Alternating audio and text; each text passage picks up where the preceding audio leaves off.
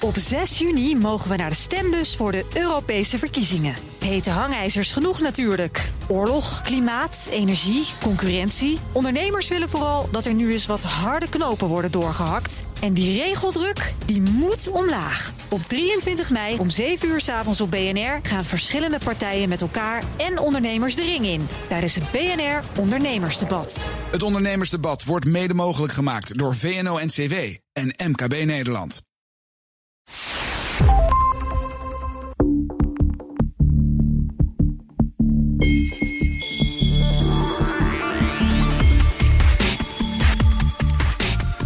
Ik ben er dus achter gekomen dat mijn Chinese oom en tante, beide hoogopgeleide artsen in Melbourne met alle mogelijke toegang tot informatie, conspiracy theorists zijn. Zo geloven zij bijvoorbeeld niet in klimaatverandering, of in ieder geval niet in de menselijke invloed daarop. En ze geloven eigenlijk überhaupt niet in het idee van waar of niet waar, maar meer in zoiets als dat is dan jouw feitencomplex. Zij lezen de New York Times als net zulke propaganda als de Chinese staatskrant, maar dan van progressieve Amerikanen in plaats van de Communistische Partij. Ze kunnen zich het concept van onafhankelijke berichtgeving niet voorstellen. De persvrijheid in China staat sinds het aantreden van president Xi steeds meer onder druk. De afgelopen maanden hebben 19 journalisten het land gedwongen moeten verlaten, soms voorafgegaan door controles en intimidatie. In deze aflevering daarom de vraag: hoe vrij zijn journalisten in China? Mijn gasten deze aflevering zijn Hans Moleman, China-correspondent voor de Volkskrant van 2004 tot 2012. Stefan Blommaert, China-correspondent van 2012 tot 2015 en tegenwoordig China-watcher van de Vlaamse omroep VRT. En Anouk Eigeraam, op dit moment in Beijing als China-correspondent voor onder andere BNR-NFD. Mijn naam is Liao Wang en deze podcast wordt mede mogelijk gemaakt door het Leiden Asia Center. Hans, jij was dus correspondent in China van 2004 tot 2012, dus onder de vorige president Hu Jintao. Hoe, um, hoe vrij was jij toen als journalist? Had je het idee dat je kon gaan en staan waar je wilde? Nee, uh, ook in uh, die periode was het al, uh, was eigenlijk de helft van China moeilijk gebied. Tibet sowieso. Daar moest je een aparte vergunning voor aanvragen. En dan kreeg je ook meteen natuurlijk controle mee, minders. Um, Xinjiang werd steeds moeilijker, vooral ook vanwege de, de etnische onlusten daar, vanwege het geweld. Um, en, en, en zelfs in, in binnen Mongolië had je duidelijk aanwijzingen dat je extra in de gaten werd gehouden. Ik had wel het voordeel dat ik, althans ik denk dat dat een voordeel was, dat ik in Shanghai zat en niet in Peking. Shanghai is toch een handelsstad die ehm, ook vanuit het gemeentebestuur, het partijbestuur lokaal een, een iets vrijere opvatting had. Vooral als je er rekening mee hield dat men het zeer waardeerde als je schreef over de geweldige economische ontwikkeling in Shanghai. Ja, ja. ja, dus per regio kon het ook nog wel verschillen. En daar, daar zullen we zo meteen ook nog wel op ingaan. Stefan, jij vertrok naar China uh, ongeveer toen die wisseling plaats, plaatsvond. Hè? Dus toen de huidige president Xi Jinping aantrad. Wat merkte je daarvan? Wat veranderde er voor jou als journalist toen hij aan de macht kwam? Ja, ik ben inderdaad in Peking aangekomen twee maanden voor het uh, 17e partijcongres. En uh, ja, onder sommige correspondenten en ook onder experts uh, was er wel een zekere hoop dat het iets vrijer zou kunnen gaan onder Xi Jinping. Omdat ja, die man met zijn verleden had heel wat meegemaakt. Uh, ook een vader die ja, een, een vrij liberale visie had op de situatie. Um, dat werd in twijfel getrokken, dat idee door, uh, door anderen. En uh, het was een beetje uitkijken, hoe, welke richting zou het nu uitgaan? Maar eigenlijk al heel snel werd duidelijk dat het uh, helemaal niet de richting uitging die uh, sommigen gehoopt en anderen verwacht hadden. Uh, namelijk, het werd gewoon erger. En ik heb dat tijdens die 2,5 jaar dat ik in China gezeten heb, heb, heb ik dat aan de lijve kunnen ondervinden. Hè. In het begin, bijvoorbeeld, Hans heeft er net gesproken over Xinjiang. helemaal in de beginperiode heb ik in Xinjiang nog relatief vrij kunnen werken. Uh, maar helemaal op het einde van mijn uh, termijn daar uh, was het onmogelijk. Werd je, kon je gewoon niet meer naar Xinjiang gaan zonder die minders waar, het er net al over ging. Ja, hey, en Anouk, jij was begin dit jaar in Wuhan tijdens de grote corona-uitbraak. Hoe, hoe vrij kon je je daar bewegen? Kon, kon je, ja, je kon daar dus wel naartoe. Kon je daar gewoon ook met mensen praten? Ja, nou ja, ik, ik, kon er naartoe in die zin dat, dat ik, ik kwam er aan op de dag dat de stad toen in lockdown ging. Dus daarna kon je er niet meer heen. Um, maar ja, ik ben er twee keer geweest. Dus eerst toen, toen de stad op slot ging. Uh, ja, um, toen waren er natuurlijk heel weinig mensen op straat. Uh, maar de mensen die er waren, en we zijn ook al naar wat ziekenhuizen gegaan, uh, die kon je inderdaad wel aanspreken. Dat, dat, er was relatief, denk ik, weinig aandacht op dat moment voor. omdat ja, de stad natuurlijk wel iets anders aan zijn hoofd had. Hè? En al die zieken proberen te helpen. Er was natuurlijk gewoon een grote crisis gaande. Uh, dus het viel mij toen wel op dat er best redelijk wat openheid was en dat mensen wel wilden praten ook. Terwijl als je dat hier in Peking probeert, uh, over het algemeen willen mensen hier niet zoveel zeggen tegen journalisten. Um, nee, want je bent nu. Nee, jij bent nu natuurlijk nog steeds in China. Is, is er iets veranderd in die openheid die er was tijdens de crisis? Zijn mensen nu voorzichtiger geworden? Nou ja, ik weet het niet. Hè. Dat was in ieder geval toen in Wuhan zo. En dat was dus een groot verschil tussen Wuhan bijvoorbeeld en Peking. En in Beijing is het sowieso altijd, uh, uh, zijn mensen heel voorzichtig met wat ze zeggen. Uh, zeer behoedzaam, willen niet altijd graag praten met journalisten. Zodra je eigenlijk buiten Peking komt, wat, wat, wat Hans ook al zei net over Shanghai bijvoorbeeld. Maar ook als je naar steden gaat als Shenzhen of Chengdu, in het westen van het land, of je gaat naar het platteland, dan merk je bijvoorbeeld dat mensen wel opener zijn of wat bereidwilliger zijn om iets te zeggen en te praten. Um, dus, dus het verschilt ook wel heel erg per regio en of je in een grote stad zit of het platteland. Ja, ja. Hey, en als we even uitzoomen um, naar het Chinese journalistieke landschap, zeg maar, hè, Hans. Uh, hoe is dat in China? Is er net als in Nederland dat er stromingen zijn, zoals linkse en rechtse media, of dat er misschien sprake is van nationale en lokale media? Hoe, hoe is dat in China georganiseerd? Ja, je moet uh, natuurlijk, als je naar de Chinese uh, media kijkt, vooral beseffen dat um, ze allemaal um, onder, um, in principe onder de duim zitten van de, de partij. De, onder Xi is dat nu heel duidelijk geformuleerd. Namelijk dat de media gewoon een instrument zijn van de partij om um, de grote rejuvenation of the Chinese nation te, te, bevorderen. Dus je bent gewoon een onderdeel van het propagandaapparaat. Um, dat was toen ik er zat ook al zo, maar er was meer speelruimte. Hè? Dus um, um, als jij bij een liberale krant in Peking zat, en, en, en er was er een, um, of in het zuiden van het land, uh, in Guangdong. Uh, dan kon je verhalen schrijven waarvan je dacht als, als buitenlandse correspondent, zo, dat is uh, redelijk open, met redelijke kritiek op, op wat er gebeurt in de Chinese maatschappij die ruimte die is uh, uh, met de jaren uh, minder geworden. En onder Xi is dat... Want bestaan die, die liberale kranten überhaupt nog? Nou, um, de, de, de krant of het medium wat ik het, het meeste volg, dat is Caijing. Um, dat is, ik zal maar zeggen, laten we zeggen, de economist van China. En um, daar zie je dat men nog wel enige ruimte heeft. Maar uh, als het gaat om de gevoelige onderwerpen, dus de Tibet en Xinjiang en, en Taiwan, is de ruimte nul. Um, dat was hier trouwens een paar jaar geleden ook al eigenlijk. Ja. Je hebt in China altijd die uh, onzichtbare rode lijnen, die wij niet zien, maar die de Chinese uh, journalisten en, en Chinezen over het algemeen wel goed kennen hè, en die ze niet overschrijden. Want als ze die overschrijden, ja, dan hebben ze moeilijkheden. Ja. En Stefan, hoe is dat voor um, buitenlandse journalisten? Want jij zegt van wij zien die niet. Uh, is dat omdat, jullie, omdat voor jullie die lijn niet geldt? Of omdat die zo impliciet is dat je niet precies weet waar die ligt? Of hoe, hoe werkt dat voor buitenlandse journalisten? Wel, ik denk uh, dat er inderdaad voor buitenlandse journalisten uh, minder een lijn is. En het hangt er dan vanaf voor welk medium je werkt. Als je werkt voor de BBC of je werkt voor CNN of Bloomberg, de grote internationale kanalen, uh, dan bestaat er duidelijk wel zo'n grote rode lijn.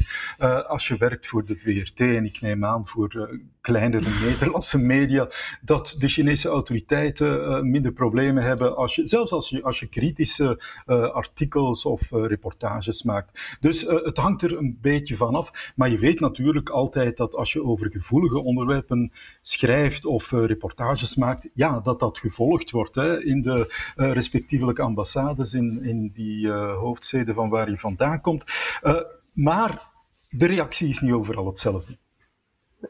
En, er zijn inderdaad, uh, uh, Hans noemde al zien inderdaad. En, en, want wat, het was bijvoorbeeld wel heel bijzonder dat zij eigenlijk als enige het afgelopen jaar ook naar buiten bracht in het begin van de uh, virusuitbraak in Wuhan.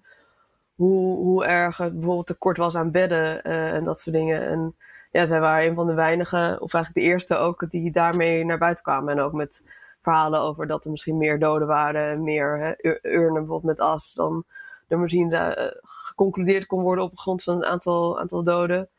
Um, en, en je moet ook niet, uh, daarnaast zijn er natuurlijk ook nog in Hongkong, zijn er ook nog een aantal media hè, die wel enigszins uh, wat onafhankelijker kunnen opereren nog. SCMP bijvoorbeeld is toch nog een kant die vrij kritisch kan berichten. Soms over bijvoorbeeld demonstraties. ja, die, die, die volg ik ook wel. En er zijn nog wat van die Hongkongse media. Uh, maar ja, het, het, is niet, het is niet, uh, het zijn er niet veel, laat ik het zo zeggen. Nee. En hoe kijken Chinezen zelf daar dan naar? Hebben, hebben zij nog vertrouwen in de journalistiek? Of zien zij dit gewoon als propaganda? Of hoe, hoe wordt dat ervaren ook? Nou ja, kijk, sowieso Chinezen. Uh, in China, uh, je, hebt, uh, je hebt de grote de Great Firewall. Dus je kan in China, als jij geen VPN hebt, zo'n speciale hè, verbinding, kan jij in principe geen buitenlandse media bezoeken. Dus kan, heb je alleen maar toegang tot uh, staatsmedia, uh, staatskranten. Uh, dus dat, dat, dat maakt het natuurlijk al heel beperkt. Dus er zijn heel veel Chinezen die van heel veel dingen helemaal geen weet hebben, inderdaad. Of alleen maar lezen of horen wat zij van het staatspersbureau Xinhua voorgeschoteld krijgen. Um, in het algemeen merk je wel dat, dat, dat ja, buitenlandse journalisten, hè, wat ik al zei, mensen in, in, in Peking bijvoorbeeld, die niet graag met jou willen praten als je een buitenlandse journalist bent. Want ja, want je gaat natuurlijk negatieve dingen opschrijven over China. Dat krijg je mhm. dan wel te horen. Dus er is wel, uh, er is eigenlijk meer, is er meer wantrouwen tegen buitenlandse journalisten dan tegen Chinese journalisten? Uh, deels wel. Uh, en deels hoor ik ook wel van mensen die bijvoorbeeld, nou, jongeren die wat onafhankelijk denker er zijn bijvoorbeeld, die vinden veel Chinese journalisten heel slecht. Omdat ze zeggen van ja, die praten toch alleen maar na wat wat, wat de staat zegt of wat dan ook. Uh, hè, en, ze lezen bijvoorbeeld dan eerder allerlei uh, kleine groepen, bijvoorbeeld op WeChat of kanalen, waar misschien soms nog wel onafhankelijke hè, burgerjournalisten dingen op zetten. Maar die kanalen worden vaak wel weer dan gesloten, bijvoorbeeld, na een tijdje. Um, dus het is allemaal heel moeilijk.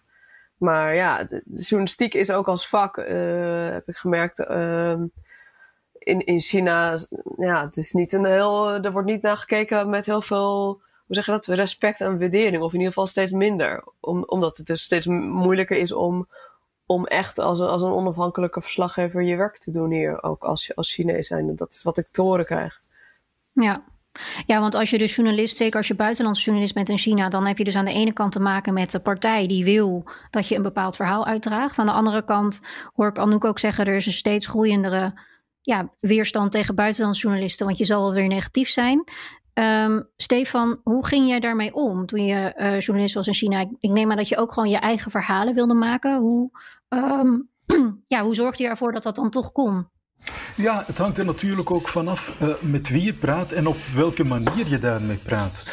Uh, als je zomaar als buitenlandse journalist uh, probeert contact te zoeken met een willekeurige voorbijganger, dan, zoals Anouk het zegt, ja, stoot je soms op weerstand en, en ja, willen de mensen gewoon niet met je praten of zijn ze zelfs soms agressief, heb ik ook meegemaakt.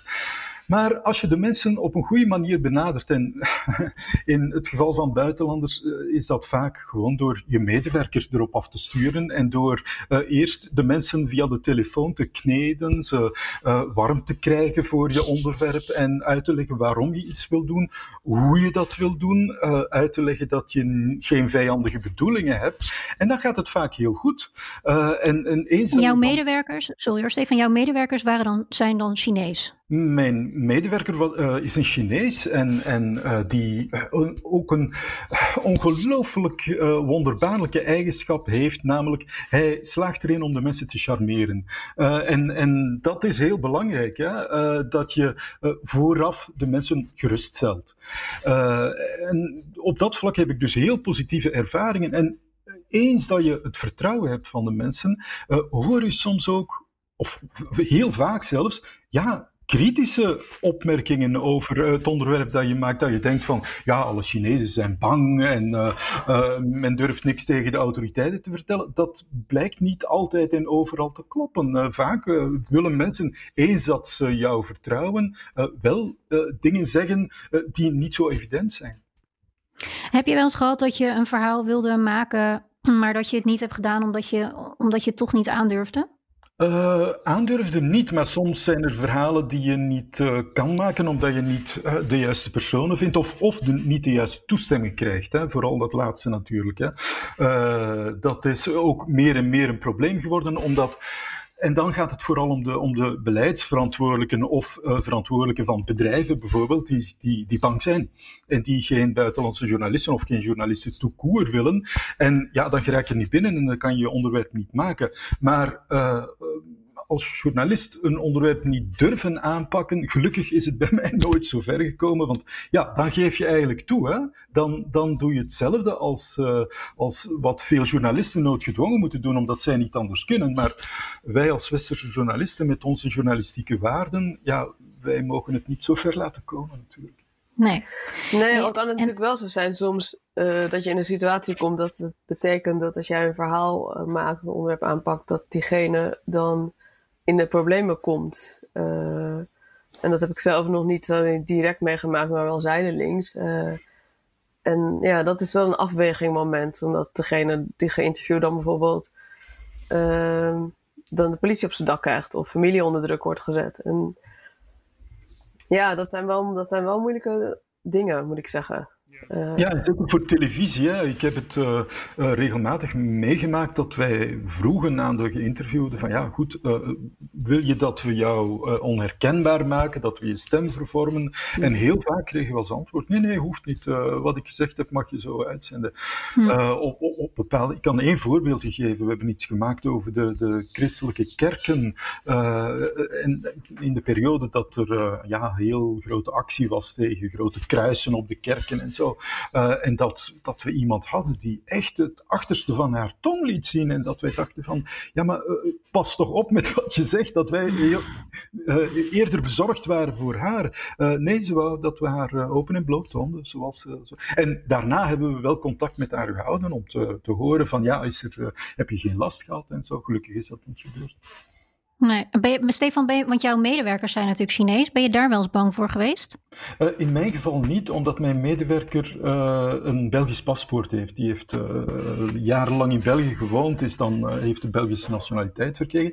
Dus hem konden ze niks doen. Maar ik heb het bijvoorbeeld wel meegemaakt. normaal had ik een Duitse cameraman, dus daar was het ook geen probleem. Maar af en toe werkten wij met een Chinese cameraman. Eén keer in Xinjiang, dat we zijn opgepakt, dat we urenlang zijn ondervraagd op politiekantoor. En mijn medewerker hebben ze niet onder druk gezet, omdat ze wisten dat hij een Belgisch paspoort heeft. Maar die uh, cameraman dus wel. Ze hebben hem bedreigd. Ze hebben gedreigd zijn familie onder druk te zetten. Dus uh, ja, dan wordt het wel gevaarlijk. Ja, dat is uh, typerend voor de aanpak van de Chinese staten. Goed kijken wie er het kwetsbaarst is. Mijn uh, talk-producer, die een Chinese journalist en een hele goede. Want er zijn, dat moet je niet vergeten, in China zijn natuurlijk heel veel goede journalisten die alleen door de beperkingen van die de staat, die de partij ze oplegt, hun werk niet, uh, niet goed kunnen doen. Maar deze, deze journalisten die, uh, die, um, die kreeg uh, um, um, in, nou, meestal zo, zo eens per paar maanden kreeg ze de uitnodiging om even thee te komen drinken. Met, niet, niet met het ministerie van Buitenlandse Zaken in Shanghai, maar gewoon met de ja, de politieke politie noem ik het altijd. Um, en dan werd haar gevraagd, ja, wat, wat doe jij allemaal voor die, journalist? En dan vertelde ze keurig dat zij verhalen maakte over de geweldige economische plannen. En dat, ze natuurlijk, en dat we natuurlijk ook het binnenland introk om te kijken hoe de, hoe de werkelijkheid zich daar voltrok. Um, en dat, um, dat liep eigenlijk in die tijd, 2004 tot 2012, altijd goed af. Het was ook een, uh, een dame die niet bang was, dat scheelde ook wel. Maar het was iemand met een Chinees paspoort. Ze kwam trouwens uit een partijfamilie. Ook nog. En Hans, jij bent zelf een aantal keer dus inderdaad naar het binnenland en naar het westen afgereisd. Hè? En volgens mij ben je zelf ook een keer ondervraagd uh, door de politie. Hoe, hoe ging je daarmee om toen, toen je zelf in die kamer zat en thee moest komen drinken? Ja, dat was in Sichuan, in het uh, Tibetaanse hoogland. De helft de noordelijke helft van de provincie Sichuan, dat is gewoon Tibetaans hoogland. Um, waar heel weinig Chinezen wonen en uh, heel veel uh, Tibetanen. Nou ja, het is natuurlijk schaars bevolkt. Um, maar als je daar in een, in een stadje of in een groot dorp aankomt, dan, dan val je op. En dan um, krijg je al gauw, meestal dezelfde avond, in het hotel waar je zit, krijg je bezoek van de, van de de politieke politie van de Veiligheidsdienst. Um, en die, eh, die vraagt dan wat je kon doen. En dan krijg je dus het, ja, het, het, het, het, spel wat je moet spelen om toch je verhaal te halen. Je komt daar om met Tibetaanse nomaden te praten. Um, als je dat zegt, dan weet je dat je vervolgens geweigerd wordt, ook in Sichuan. En Sichuan is natuurlijk Tibetaans gebied waar je geen speciale vergunning voor nodig hebt. Maar je wordt, als je in Tibetaanse gebieden komt, wel, als je daar als, als, buitenlander in zo'n dorp komt, val je meteen op en, en ja, word je meteen um, uh, uitgenodigd om uit te leggen wat je komt doen. En dan is het um, een, een, kwestie van onderhandelen. Um, dat hebben we in, in, in dat geval ook gedaan. Um, want ja, ik kon niet met uh, Tibetanen praten, vertelde uh, de dienstdoende politieke politieman. want dat was gevaarlijk. dus ze wilden mij beschermen tegen de woeste Tibetanen. Nou, dat was heel vriendelijk natuurlijk. Ik zei, maar ik kom hier ook niet voor de Tibetaan. Ik kom voor dat prachtige natuurgebied, dat natuurreservaat wat uh, de Chinese regering daar ontwikkelt om meer toeristen uh, naar, dit, uh, prachtige, naar deze prachtige regio te lokken. En dat verhaal, zo heeft mijn baas gezegd, dat moet ik maken. En ik zit dus met een probleem, want als u tegen mij zegt dat ik daar niet heen mag, dan krijg ik grote problemen met mijn baas in Nederland, want dan heb ik mijn opdracht niet voltooid. Ja, en dan zie je dus die Chinees aan de andere kant van de tafel denken van ja, natuurlijk, hij heeft ook een baas. En uh, ja, kijk, als hij alleen naar dat natuurreservaat gaat, dan moet dat misschien wel kunnen. Nou, het eind, eind, van het liedje was na toch een dikke twee uur heen en weer praten. Ik mocht erheen, maar ik mocht onderweg niet stoppen, met niemand praten. En um, dat was het, uh, het compromis. Want later heb je daar, neem ik aan, een, een verhaal van gemaakt. Wat, neem ik aan, niet ging over de prachtige landschappen. Hoe is daar dan nog op gereageerd? Stond er toen weer politie voor je deur van... hé, uh, hey, jij zei toen dit of dat, maar je hebt dit en dit nee. gedaan? maar dat is het grappige natuurlijk, hè. Die, uh, die mannen daar in Sichuan, op dat politiebureau... die hebben de opdracht buitenlandse journalisten weghouden. Maar in Shanghai, waar jij um, uh, werkt en je verhalen maakt, uh, je verhalen uitwerkt, ja, daar interesseert het uh, uh, ze niet zo erg wat, wat jij daar in dat verre binnenland doet. Um, en op de ambassade in Den Haag, waar ze natuurlijk wel al je verhalen volgen, ja, dat is weer een hele andere entiteit. dus, dus, en, en, je moet niet denken dat de Chinese overheid één soepel, soepele, met elkaar communicerende machine is. Het zijn allemaal verschillende silo's die allemaal hun eigen opdrachtjes en baasjes hebben. Of hele grote bazen. En daar kun je, althans daar kon je in mijn tijd uh, goed gebruik van maken. Dus zo... Ja, dus jij, jij kroop eigenlijk door die mazen van die bureaucratie heen. En dat was inderdaad tien jaar geleden. Anouk, als jij dit verhaal van Hans zo hoort, zou dat nu nog steeds zo kunnen, denk je? Dat is wel een stuk moeilijker, ja. Is het voor jou nu soort van, zijn er heldere regels wat je wel en wat je niet mag, waar je aan kan houden? Of is het inderdaad nou, arbitrair, als je toevallig ergens bent, kunt, kan er van alles gebeuren? Ja, er zijn natuurlijk op zich wel uh, bepaalde regels. Uh, waar we het net al hadden over die rode lijnen. Maar die zijn in de praktijk soms ook uh, totaal onduidelijk. ik bedoel, toen ik door de tweede keer naar Wuhan ging bijvoorbeeld, toen, toen de stad weer open ging, mocht je ook alleen weer bijvoorbeeld met een bepaalde trein terug. En dat moest dan weer via een bepaalde app. En dan moest je wachten op toestemming. En weet je, allemaal dat soort dingen. Dat ging ook helemaal bureaucratisch. Maar die systemen zijn dan weer niet op elkaar afgestemd. Dus sommige correspondenten kregen wel toestemming om terug te gaan, de anderen niet. Ja, we hebben op een gegeven moment een andere trein genomen. Uh, kwamen aan op een ander station. Het was dus duidelijk niet de bedoeling. We hadden op het Centraal Station hier in Peking moeten aankomen. En ja, weet je wel, dat, dat soort dingen. Uh, je, je kan, uh, het werkt allemaal niet. Alle systemen, alle dingen die er zijn en ook al de surveillance via alle apps en dat soort dingen werkt niet naadloos, zoals, zoals uh, Hans het ook zei, samen. Dus er zijn ook altijd wel weer manieren om er te kijken of je er doorheen kan. Uh, maar het is wel veel moeilijker geworden. Het is, uh, de, en de regels zijn onduidelijker geworden. Um, en die zijn soms ook met recht natuurlijk onduidelijk, omdat dat ook hè, China en, en, en, lokale afdelingen en politici en, en, politie ook mogelijkheid geeft om daar dan hè, heel ruim mee om te springen of iets heel ruim te interpreteren dat is soms ook met, met recht, uh, denk ik op die manier zo. Dat de regels soms vaak ja, zijn. Ja, doen dat expres. Ja. ja. Het is ook uh, vaak helemaal niet rechtlijnig. Hè. Je weet natuurlijk wat de delicate onderwerpen zijn. Hè. Dat, dat uh, weet je. Maar soms ben je bezig met een onderwerp waarvan je denkt: uh, ja, hier gaan ze nu toch niet moeilijk over doen. En dan heb je toch last. ik kan één klein voorbeeldje geven. Ik heb iets gemaakt over een privé-weeshuis. normaal zijn de weeshuizen in China allemaal onder controle van de staat. Maar dit was een privé-weeshuis. We gingen met de directrice praten bij haar thuis. En plots stonden er mensen van diezelfde politieke politie uh, in haar appartement mijn interview te onderbreken. Ja, dan, en dan vraag je je af, ja, maar waarom? Wat, wat uh, is er hier zo gevoelig aan? En, en dat heb ik ja, ook, ook in Peking zelfs uh, regelmatig meegemaakt, dat je heel verbaasd bent dat iets waar je aan begint en dat je denkt van ja, dit is nu echt geen heikel onderwerp, ja, en toch heb je last. En wat er natuurlijk recent is gebeurd, is dat er een heleboel gedoe is geweest. Dus er zijn 19 buitenlandse journalisten uitgezet. Er zijn ook twee Australische journalisten natuurlijk uh, ondervraagd. Mochten eerst niet terug, uiteindelijk wel.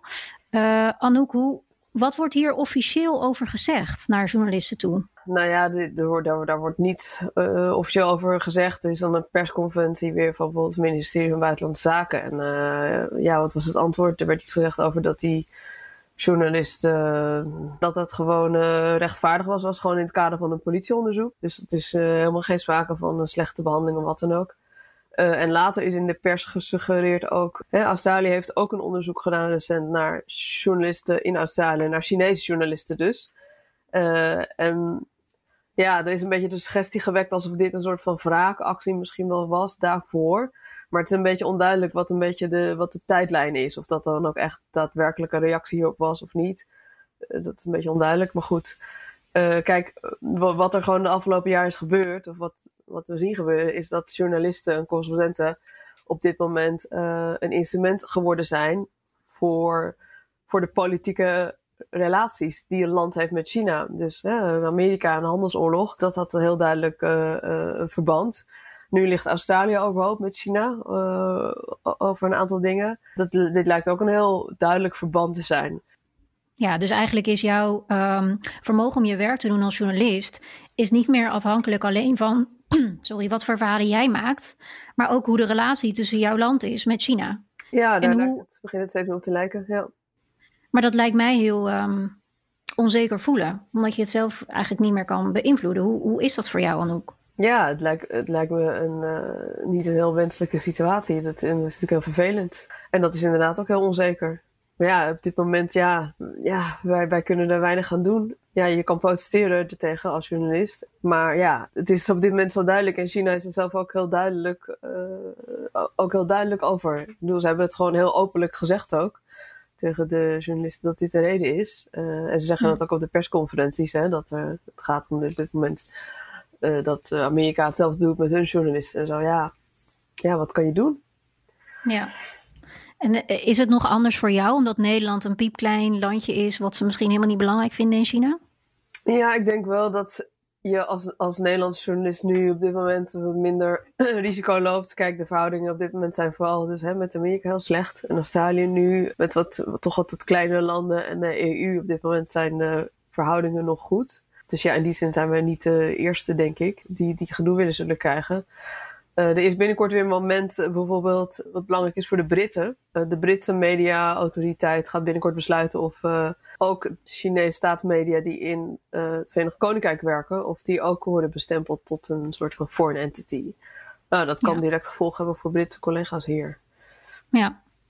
ja. En Stefan, jij hebt nog veel contact ook met journalisten in China, hè? Um, merk jij dat breder wat Anouk zegt, dat, dat mensen ja, dat het onzeker is omdat het heel erg een speelbal is geworden van de relaties, van de geopolitieke relaties eigenlijk? Ja, het is natuurlijk heel beangstigend hè? Dat, uh, dat je als journalist uh, je niet meer alleen maar moet bekommeren om je journalistieke activiteiten, maar ook de hele context moet bekijken. Ik bedoel, dat, dat zou niet mogen. Als journalist heb je je eigen uh, regels, je eigen deontologie en, en je zou je normaal niet moeten bezighouden met wat de geopolitieke situatie is. En ja, dat is een evolutie die uh, helemaal niet goed is. Dat, maar wat je daartegen kan doen als journalist, ja, dat is heel weinig natuurlijk. Hè. Zoals Anouk zei, um, je, kan je kan daar wel zelf over schrijven, je kan daar reportages over maken, maar je, je hebt daar zelf absoluut geen vat op. Hans, wat voor invloed heeft dit, denk je, op de berichtgeving, op de type verhalen die er naar buiten gaan komen over China, of de type verhalen die misschien niet meer gemaakt kunnen worden? Nou, ik denk, ik denk dat uh, de huidige trend uh, het, uh, de Chinese regering goed in de kaart speelt. Um, minder lastige verhalen, meer um, gevoelens van vrees onder buitenlandse correspondenten. Waarbij uh, wij uit uh, Europa, denk ik dan, hè, zoals Anouk uh, en Stefan ook al zeiden, misschien nog een, een, een, een een, een, klein voordeel hebben, vooralsnog, op de Amerikanen. Want die, daar is, ik zal maar zeggen, de oorlogstaal tussen Peking en Washington wel, wel, wel duidelijk. En dus ook het uh, tit voor tat uh, uh, beleid. Maar je moet niet uitsluiten dat het ook voor Europese journalisten de komende jaren moeilijker wordt. Want ehm, het, het, past helemaal in het verhaal van Peking van journalisten zijn een instrument. Um, en dat geldt voor een binnenlandse journalistiek natuurlijk. Maar um, dat geldt in de optiek van, van Peking ook voor buitenlandse journalisten. Die moeten gecontroleerd worden en als het even kan, zoveel mogelijk gedresseerd. En dat, dat, dat gaat natuurlijk in tegen alle normen en waarden die we hier in, in West-Europa hebben. Maar het is wel die, die werkelijkheid van die nieuwe wereldmacht waar je ook vanuit Europa mee om moet gaan. En dan is een leuke vraag: wat ga je doen met, in Europa met Chinese journalisten? in Brussel, daar zit een heel cohort Chinese staatsjournalisten. Moet je die Um, um, moet je daar ook een vorm van tit-for-tat beleid gaan ontwikkelen. Ik, ik, ik, ik, vind dat iets in ieder geval waar je naar moet kijken. Ik denk dat het heel moeilijk is vanuit onze, onze principes van vrijheid van meningsuiting. Um, maar ja, Chinese, de, de, Chinese staat is vooral onder de indruk van hoe zal ik dat zeggen, tamelijk grof machtsvertoon. Dus zouden wij dat ook moeten doen, vind je?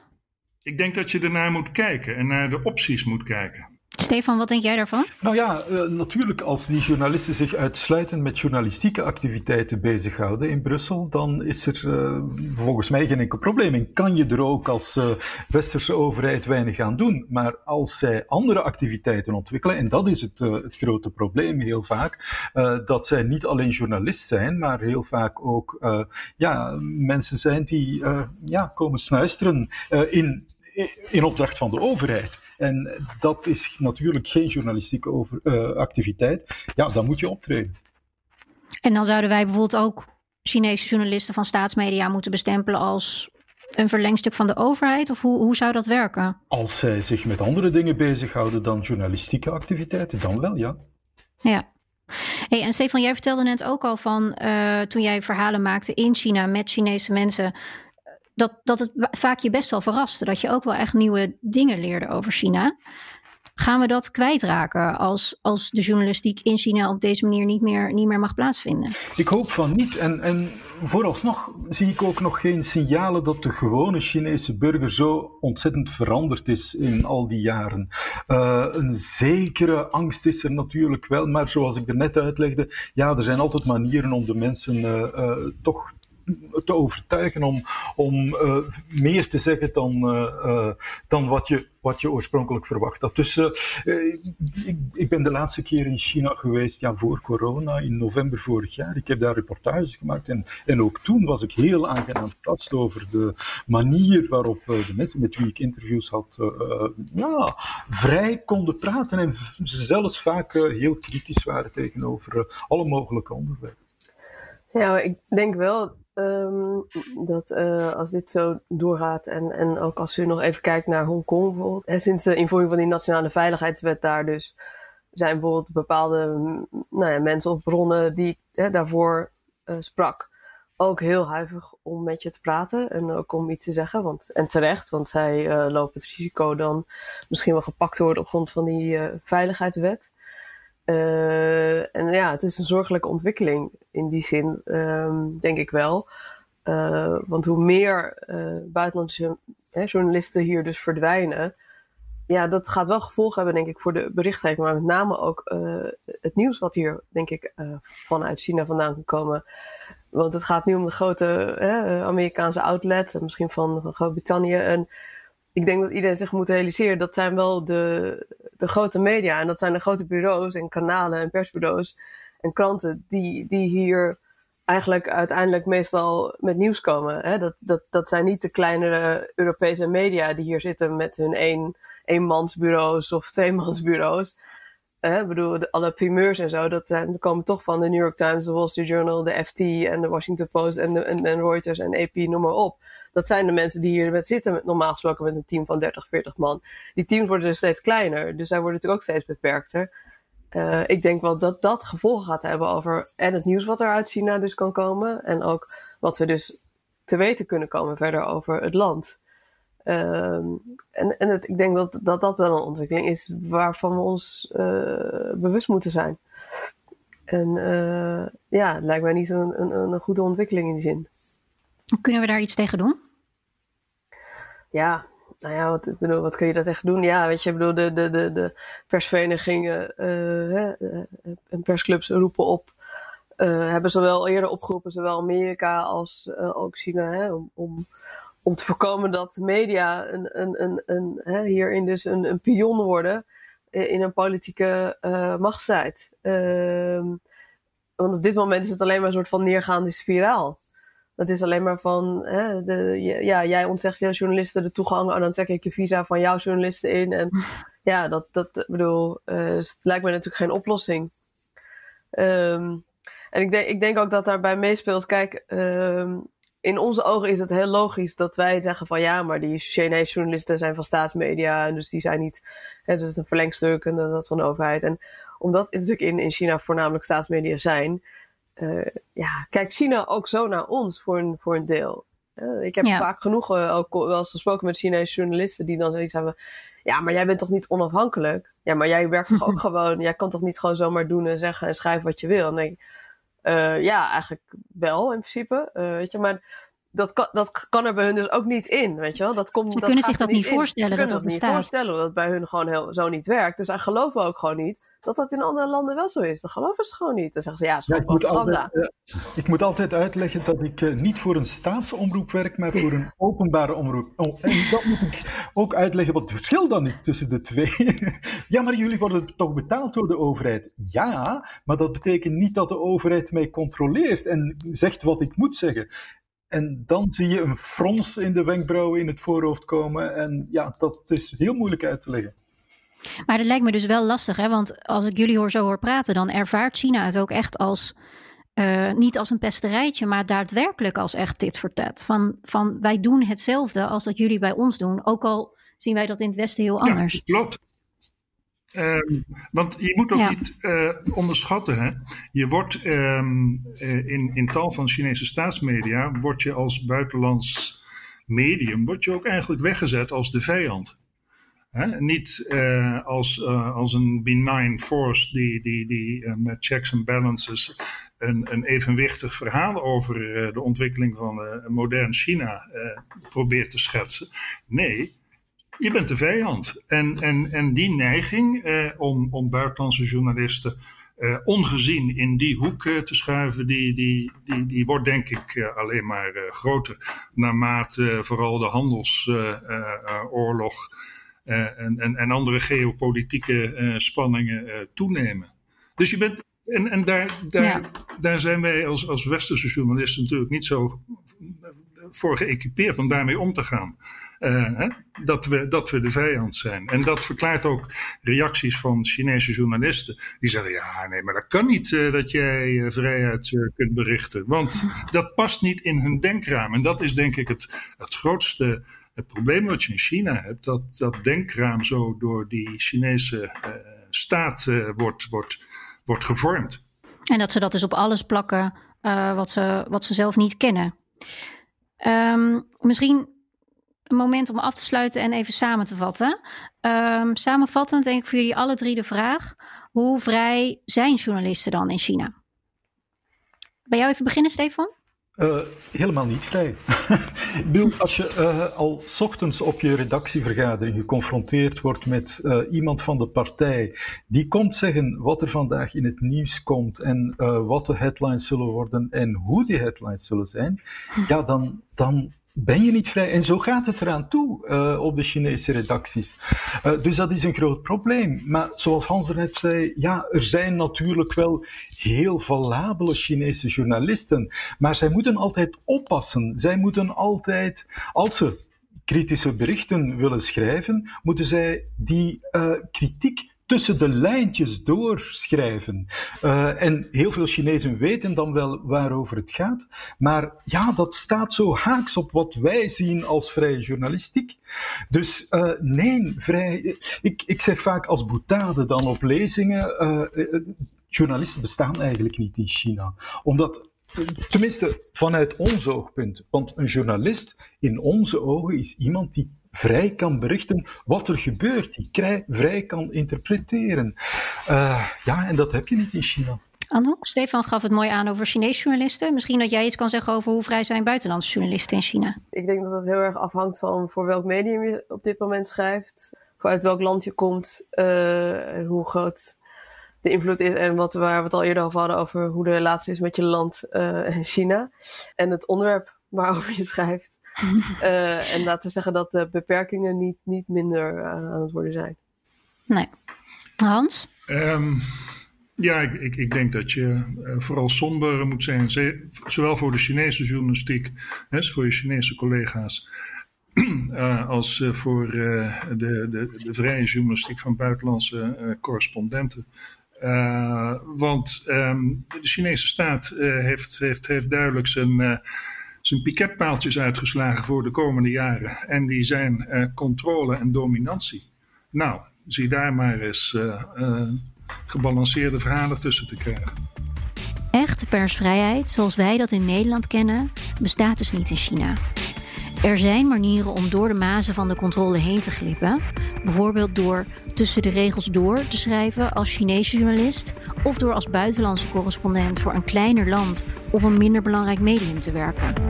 Maar die mazen worden, helaas, wel steeds kleiner. Tot zover deze China-podcast. Dank aan mijn gasten Anouk Eigeraam, Hans Moleman en Stefan Blommaert.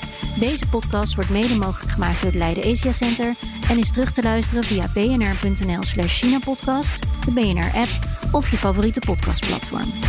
Reageren? Dat kan via podcast.bnr.nl.